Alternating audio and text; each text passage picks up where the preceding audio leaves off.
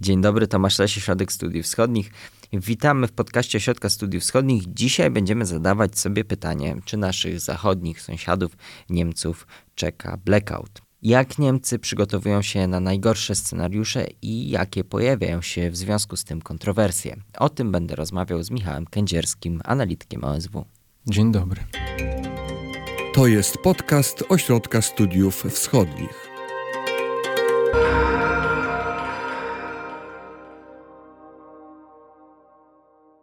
Zacznę od tego tytułowego pytania, to znaczy, czy rzeczywiście scenariusz blackoutu w Niemczech leży na stole? Czy to jest coś, co jest możliwe? No wokół tego toczy się od y, już y, wielu miesięcy y, cała debata. To jest temat, który rozgrzewa niemiecką opinię publiczną, który jest naprawdę w, w tamtejszej debacie obecny. Pojawia się w mediach cała masa artykułów na ten temat, rozważań, na ile ten scenariusz blackoutu jest realny, jakie ewentualnie są scenariusze, jak też należy się na niego, na ten najgorszy czarny scenariusz przygotować. To wszystko też buduje taką pewną atmosferę mm, strachu. To wszystko jest też oczywiście związane z kryzysem energetycznym, z wojną e, na Ukrainie. Jak rozumiem, to nie jest tyle temat y, poruszany tylko przez think tanki, przez środowiska ekspertów, ale to jest temat, który oddziaływuje także na tym poziomie społecznym. Tak, i to wszystko właśnie buduje tą taką atmosferę, mm, e, może nie strachu, ale pewnych obaw, jak będzie wyglądać najbliższa zima. E, to wszystko oczywiście związane z tym, e, w, z samym właśnie kryzysem energetycznym, o czym wspomniałem. To znaczy, o tym jeszcze pewnie szerzej powiemy, czy Niemcom starczy gazu, czy, czy, czy trzeba było pozostawić na dłużej elektrownie jądrowe, czy starczy węgla, czy trzeba wznawiać pracę elektrowni węglowych po to właśnie, żeby utrzymać stabilność systemu elektroenergetycznego, żeby tego prądu zimą nie zabrakło. Te pytania Niemcy sobie zadają od, od wielu miesięcy i to tworzy taką właśnie właśnie atmosferę mm, obaw przed tym najgorszym scenariuszem blackoutu i ten to hasło blackout w, w niemieckiej debacie jest faktycznie e, szeroko obecne. W ostatnich sondażach, e, ostatnie sondaże pokazywały, że około 4 na 10 Niemców obawia się tego, że najbliższej zimy w Niemczech e, dojdzie do blackoutu. Mniej więcej tyle samo Niemców z kolei mówi, że tego scenariusza czarnego się nie obawia. A w ostatnich tygodniach Mm, I to jest taki przyczynek do naszego e, podcastu. Bardzo e, wielką debatę, w, czy tą debatę o blackoutie zaostrzyła wypowiedź e, nie byle kogo, bo szefa Federalnego Urzędu do Spraw Ochrony Ludności i Pomocy w przypadku katastrof, pana Ralfa Tislera, który zapytany właśnie o to, czy Niemcom grozi blackout, odpowiedział, cytuję, musimy wychodzić z założenia, że tej zimy dojdzie do blackoutów. I chociaż później precyzował, co jego zdaniem stoi za tą, za tą wypowiedzią, mm, e, a mianowicie mówił, że chodzi tutaj nie o e, nieplanowany, wielkopowierzchniowy mm, e, i długotrwałą przerwę w dostawach prądu, lecz takie krótkotrwałe, zaplanowane przerwy w dostawach i że nawet to nie jest w jego, w jego mniemaniu prawdopodobne, lecz po prostu on tego scenariusza nie wyklucza, to, to jego nie, nieprecyzyjne sformułowanie mm, no, wzbudziło jeszcze dodatkową debatę, bo jeszcze te, te nastroje podburzyło, e, zwiększyło te, te obawy. E, ta wypowiedź Tislera spotkała się z, z wielką krytyką w niemieckich mediach, głównie ze strony właśnie branży energetycznej, innych urzędów, instytucji odpowiedzialnych za za stabilność, za pracę niemieckiego sektora elektroenergetycznego, którzy to właśnie przedstawiciele przekonują, że blackout y, w Niemczech jest y, Wprawdzie nie można tego scenariusza wykluczyć, bo wszystko to jest kwestią pewnego prawdopodobieństwa, y, ale jest właśnie ten scenariusz blackoutu, ten najczarniejszy scenariusz, jest wysoce mało prawdopodobny. Ale on w sumie na czym się, czym się różni to, co on powiedział od tego, co mówi sektor y, elektroenergetyczny? No i tu właśnie warto mm, wprowadzić trochę porządku do, do dyskusji, wyjaśnić, z czym w ogóle mamy do, do czynienia i o czym, o, o, o czym mówią e, przedstawiciele branży w, energetycznej, jakie scenariusze grożą ewentualnie Niemcom, z czym mogą mieć do czynienia. I tutaj proponowałbym wprowadzić takie właśnie rozróżnienie na trzy potencjalne scenariusze przerw w dostawach prądu. Pierwszy z nich to są takie lokalne awarie. Z takimi awariami Niemcy, jak i wszystkie inne kraje mają do czynienia stosunkowo regularnie. To są najczęściej e, e, takie lokalne przerwy w dostawach, które związane są na przykład z tym, że drzewo przewróciło się na sieć przesyłową, że koparka przecięła kabel. Wypadki, coś, co się po tak, prostu Tak, to są, to są krótkotrwałe, najczęściej bardzo lokalne przerwy w dostawach, które często po minutach, po, po paru dziesięciu minutach są już e, zwalczane i, i, i, te, i dostawy prądu są wznawiane. Takich, tak, żeby przytoczyć pewną statystykę dla pokazania kontekstu, takich lokalnych awarii w Niemczech w ubiegłym roku, w 2021 roku było 166 tysięcy. Średnio każdy Niemiec nie miał prądu y, przez 13 minut w całym roku. To na skali Europy jest to jakaś, albo lat poprzednich jakaś znacząco większa liczba, czy to jest norma? W tej statystyce Niemcy są e, w stosunku, na stosunkowo dobrej e, e, pozycji, chociaż ubiegły rok był nieco gorszy niż rok 2020, bo wówczas tych awarii było 4000 mniej, a średnio każdy Niemiec nie miał prądu przez 11, nie, niecałe 11 minut. I tamten rok 2020 był najlepszym rokiem w historii pomiarów. Kiedy zaczęto w Niemczech prowadzić te pomiary, to był 2006 rok. Wówczas e, średnia przerwa w dostawach prądu wynosiła 16 minut. Drugi z, z, tych, z, z, tych przerw, drugi rodzaj przerw w dostawach prądu, który pojawia się w niemieckiej debacie, to są tak zwane brownouty. E, I to są planowane, e, ograniczone czasowo i terytorialne wyłączenia, to znaczy ograniczone czasowo dlatego, bo w Niemczech te, te, tego rodzaju przerwa w dostawach może trwać 4 godziny maksymalnie jest terytorialnie e, ograniczona, może dotyczyć na przykład w pierwszej kolejności konkretnych zakładów przemysłowych. Jeśli e, jest taka potrzeba, to ewentualnie po poszczególnych dzielnic, e, części miasta bądź większych jednostek terytorialnych i są to przerwy w dostawach planowane dlatego, bo są zawczasu zapowiadane, jeśli operator systemu elektroenergetycznego widzi, że sytuacja jest na tyle poważna, że trzeba sięgnąć po ten po ten środek. I w końcu trzecia Trzeci rodzaj to są właśnie blackouty. Blackouty mają to do siebie, że zgodnie z definicją są to przerwy mm, nieplanowane, E, wielkopowierzchniowe i długotrwałe. No, one mogą dotyczyć całego kraju, mogą dotyczyć nawet większego, większej powierzchni niż, niż jeden kraj. E, są, są to bardzo poważne awarie, których, e, których, których naprawa może potrwać dłużej. To może trwać nawet kilka godzin albo nawet kilka dni. Tego to już jest trudno dokładnie oszacować. I tutaj właśnie wracamy do tego, o czym Niemcy dyskutują i jaką dyskusję wywołał Tisler w swoim wywiadzie dla, e, dla Dziennika Die Welt. I on właśnie powiedział wówczas, że spodziewa się blackoutów, ale później dodał, do, doprecyzowując swoją wypowiedź, że tak naprawdę spodziewa się brownoutów. I wtedy w, w, dyskusji, do dyskusji włączają się przedstawiciele właśnie między innymi Federalnej Agencji Sieci, czyli z ramienia e, rządu odpowiedzialnej za nadzór na, e, i kontrolę nad stabilnością systemu elektroenergetycznego, czy właśnie jeden z operatorów niemieckiego systemu elektroenergetycznego, firmy Amprion, którzy y, przekonują, że y, właśnie blackouty są wysoce nieprawdopodobne, że system elektroenergetyczny w Niemczech jest na tyle stabilny i ma tyle y, instrumentów do zwalczania ewentualnych problemów, że nawet w najbardziej pesymistycznych scenariuszach, nawet najbardziej pesymistyczne scenariusze, w których dochodzi do sprzężenia negatywnych czynników, Niemcom nie grozi e, e, tej zimy blackout. Natomiast wszystko to jest właśnie kwestią prawdopodobieństwa. Żaden z nich nie mówi, że to jest wykluczone, że tego, do tego nie może dojść. Dlatego, bo oni też przyznają, że sytuacja najbliższej zimy e, będzie napięta. I tu właśnie dochodzimy do tego, z czym mamy do czynienia od kilku miesięcy, czyli z kryzysem energetycznym.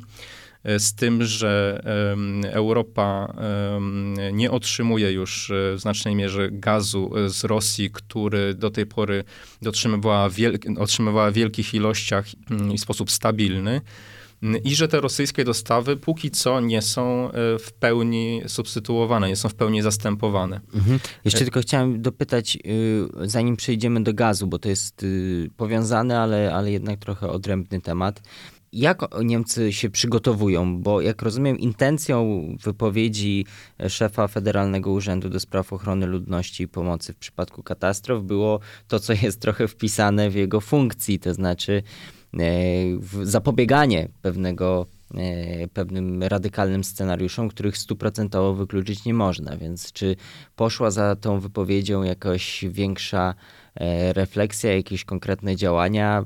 Jak, jak oni się przygotowują na te scenariusze od tych mniej radykalnych po te najbardziej radykalne?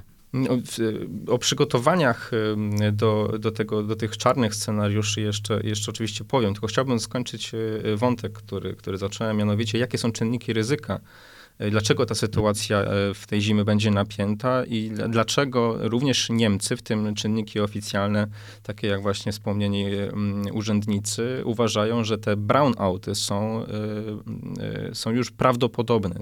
Wciąż to nie jest najbardziej nie jest to scenariusz, który oni przewidują, że na pewno nastąpi, ale to z tym Niemcy już muszą się najbliższej zimy E, liczyć. A to są właśnie te czynniki, e, o których już e, zdążyłem, zacząłem wspominać, czyli przede wszystkim czy, Niem, czy Niemcom wystarczy gazu, to znaczy czy elektrownie gazowe, które w Niemczech odpowiadają w ubiegłym roku za około 15% produkcji energii elektrycznej, w tym roku to będzie około 10%, czyli to jest istotny wkład. Czy Niemcom w końcu starczy węgla kamiennego, którego już nie wydobywają od 2018 roku, który muszą sprowadzać, a elektrownie e, węglowe tej zimy będą odgrywały absolutnie kluczową rolę. Niemcy reaktywowały kilkanaście elektrowni węglowych w tym roku po to właśnie, żeby zapewnić bezpieczeństwo i stabilność systemu elektroenergetycznego. Niemcy w końcu przedłużyły, wprawdzie tylko 3,5 miesiąca, czyli bardzo symbolicznie, ale przedłużyły funkcjonowanie elektrowni jądrowych, również właśnie w tym celu, żeby zabezpieczyć ten system najbliższej zimy.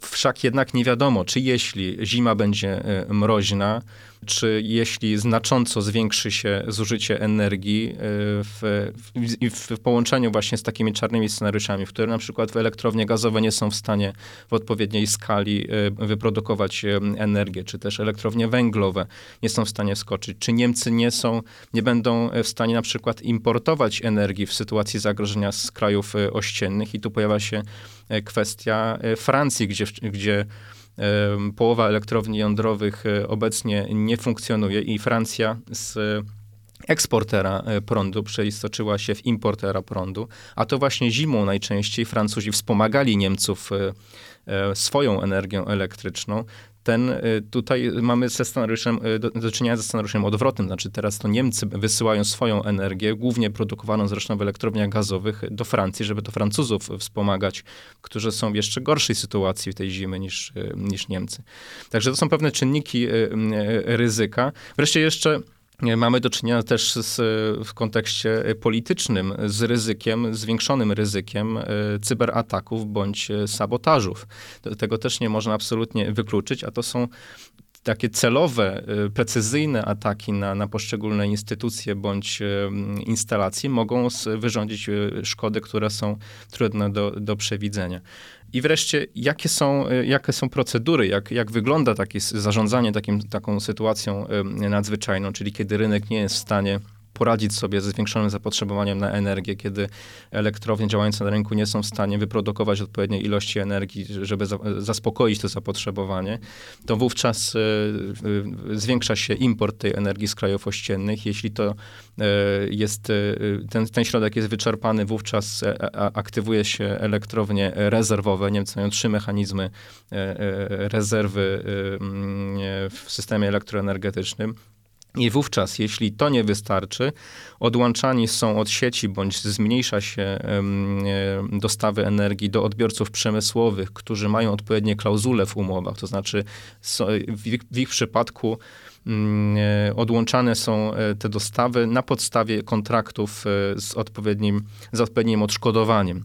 Jeśli to nie wystarczy, wówczas dopiero mamy do czynienia z tym scenariuszem brownoutu, to znaczy wówczas występują zapowiedziane, tymczasowe i ograniczone terytorialnie przerwy w dostawach prądu.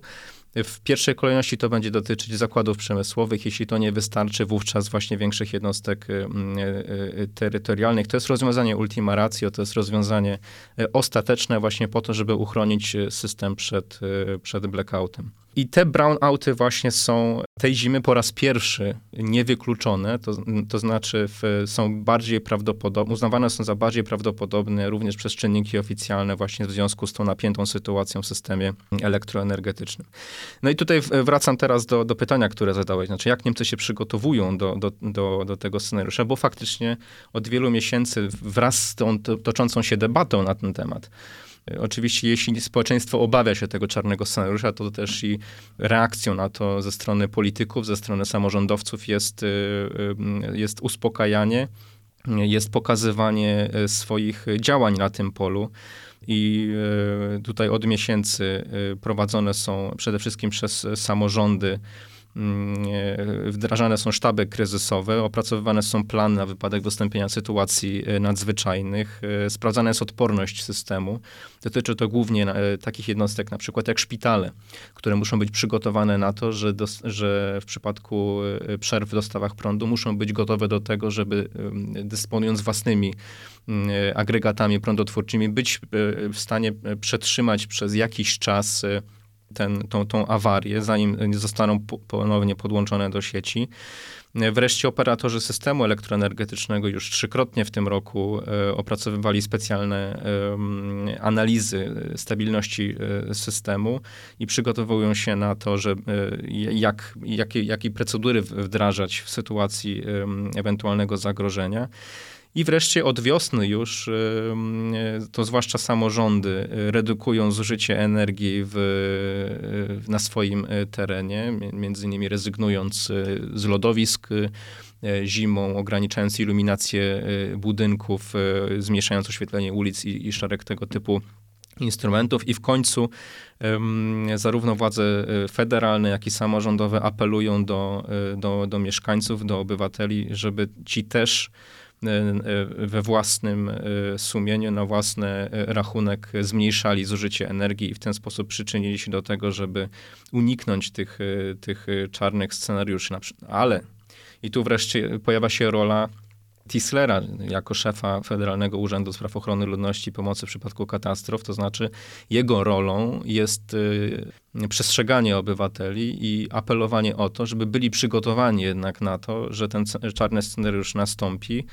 Y, I tutaj y, on faktycznie od, od kilku miesięcy mm, stale występuje w mediach i apeluje o to, żeby każdy y, Niemiec dysponował takim zestawem, takim niezbędnikiem, podstawowymi rzeczami, które są potrzebne na wypadek dłuższej przerwy w dostawach y, prądu. I tutaj przede wszystkim chodzi o, o, o posiadanie w zapasie świec, lamp czy latarek na baterie, powerbanków naładowanych, żeby móc sobie poradzić właśnie z taką kilkugodzinną przerwą w dostawie e, prądu, żeby posiadać e, wypłaconą gotówkę, bo w sytuacji, kiedy nie działają bankomaty, nie działają terminale płatnicze, e, to tylko gotówką będzie można prowadzić ewentualną wymianę handlową kupować produkty w sklepach.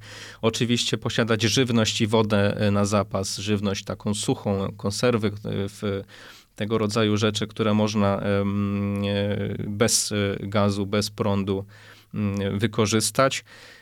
I jeszcze e, takie kempingowe, ogrodowe kuchenki lub grille, które nie są zależne od, e, od podłączenia do, do sieci elektroenergetycznej, do, do, do prądu czy też do gazu, z których można korzystać właśnie w takich sytuacjach nadzwyczajnych do tego, żeby przygotować sobie ciepłe posiłki. Są takie rady, które ze strony tego urzędu kierowane są do Niemców, żeby byli jednak przygotowani na, na wypadek y, wystąpienia tego y, niewykluczonego, ale mało prawdopodobnego scenariusza. Mm, takie rady, takie rady na pewno y, nie zaszkodzą i wprost przeciwnie, w różnych też sytuacjach mogą się przydać.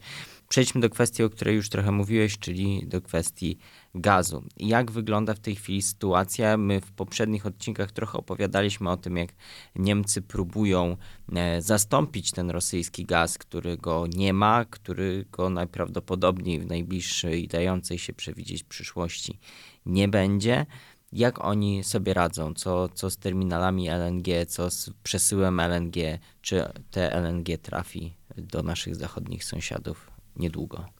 Zacznijmy może od tego, że mimo iż Niemcy nie otrzymują już y, z Rosji y, dostaw gazu ziemnego od, od września, i to nie tylko nieczynnymi gazociągami Nord Stream, ale też przez Polskę, ani przez Ukrainę do Niemiec nie dociera rosyjski gaz, to mimo to sytuacja y, wyjściowa na początek y, sezonu grzewczego, na początek tej zimy jest o wiele lepsza niż Niemcy zakładali jeszcze kilka miesięcy temu. Pamiętamy, że wiosną, e, między innymi, ale pamiętamy, że wiosną Mm, kiedy rysowane scena, rysowano scenariusze, które pokazywały, jak wyglądałaby najbliższa zima, gdyby rosyjskiego gazu zabrakło, to wówczas wychodzono z założenia nawet, że pod koniec listopada dojdzie już do niedoboru, może mogłoby dojść do niedoboru gazu e, e, w systemie, gdyby Niemcy zrezygnowały e, z dostaw rosyjskiego gazu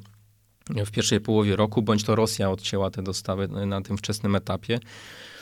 To, że rosyjski gaz docierał do Niemiec do końca sierpnia, pozwoliło Niemcom wypełnić przede wszystkim w znacznej mierze swoje magazyny gazu. To jest pierwszy bardzo ważny czynnik, to znaczy niemieckie magazyny są w tym momencie wypełnione E, w 98% były wypełnione w 100% e, mniej więcej w połowie e, listopada, ale wówczas pogoda się właśnie zaczęła już zmieniać.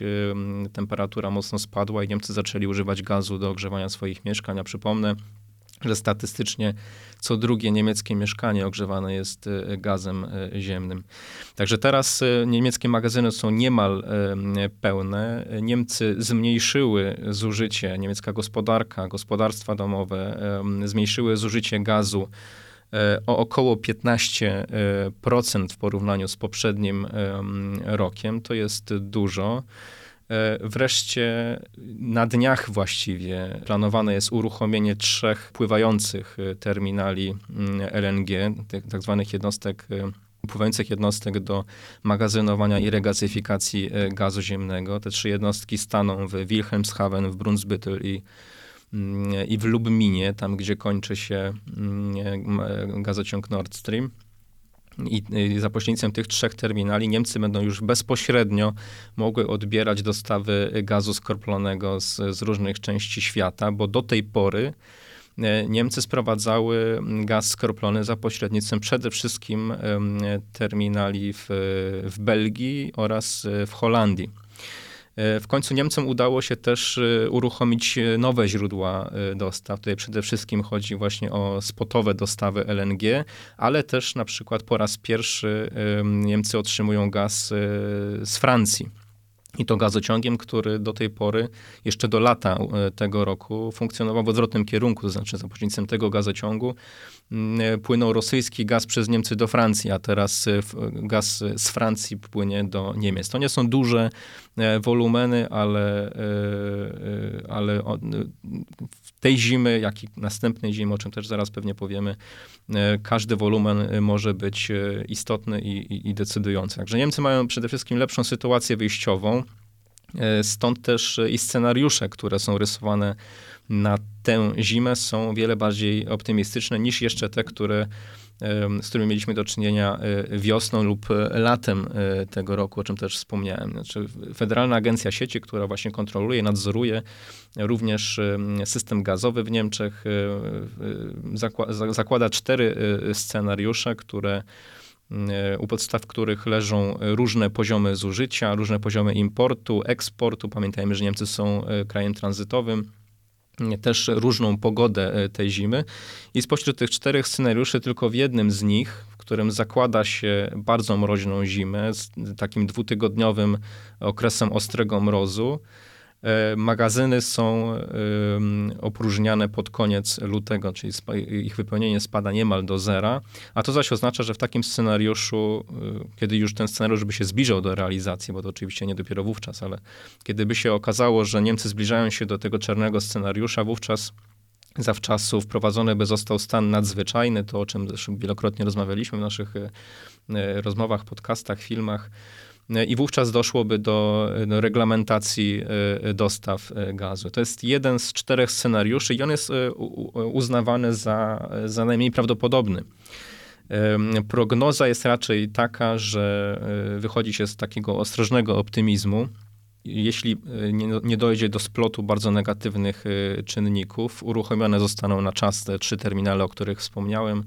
Do Niemiec będzie docierały, będą docierały dostawy e, gazu gazociągami, jak i gazu LNG i nie wzrośnie zużycie gazu, zima nie będzie nadzwyczaj mroźna, to raczej nie powinno, Niemcy powinny przejść tą zimą, e, tę zimę suchą e, stopą, a nawet w najbardziej optymistycznym z tych czterech scenariuszy wypełnienie magazynów na koniec marca wynosi 50%. To, jest, to byłaby z kolei bardzo dobra wiadomość z perspektywy kolejnego okresu napełniania magazynów, bo wówczas e, nie stanowiłoby to wielkiego problemu przed kolejną zimą. Pamiętajmy właśnie, że to rosyjski gaz w tym roku pozwolił Niemcom wypełnić magazyny w tak wysokim stopniu, a w przyszłym roku tego gazu, jak wszystko na to wskazuje, nie będzie w ogóle i Niemcy będą musiały napełnić magazyny bez rosyjskiego surowca i to będzie duże wyzwanie.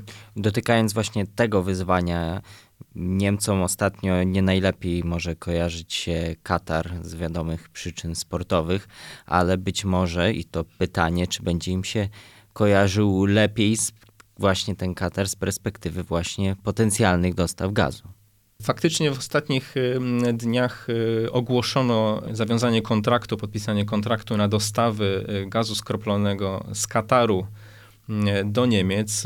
Co ciekawe, te, te, ten kontrakt nie został zawarty przez żaden niemiecki podmiot, przez, ani przez rząd, ani przez żadną niemiecką firmę tylko między katarską a amerykańską firmą i to ta amerykańska firma ConocoPhillips będzie dostarczać ten gaz do terminalu, stacjonarnego terminalu LNG w Brunsbüttel, który jest planowany od 2026 roku. I te dostawy właśnie w 2026 roku mają zostać zapoczątkowane, trwać 15 lat do 2041 roku i wynosić 2 miliony ton LNG rocznie, czyli po regazyfikacji mm, około 2,8 miliarda e, metrów sześciennych. To jest z kolei mniej więcej 3% niemieckiego zużycia w 2021 roku. Także to nie jest kontrakt, który przede wszystkim pomoże Niemcom najbliższej zimy, ani kolejną e, zimy, lecz dopiero od 2026 roku. To jest po pierwsze. Po drugie, nie jest wolumen, który Niemcy będzie ratował,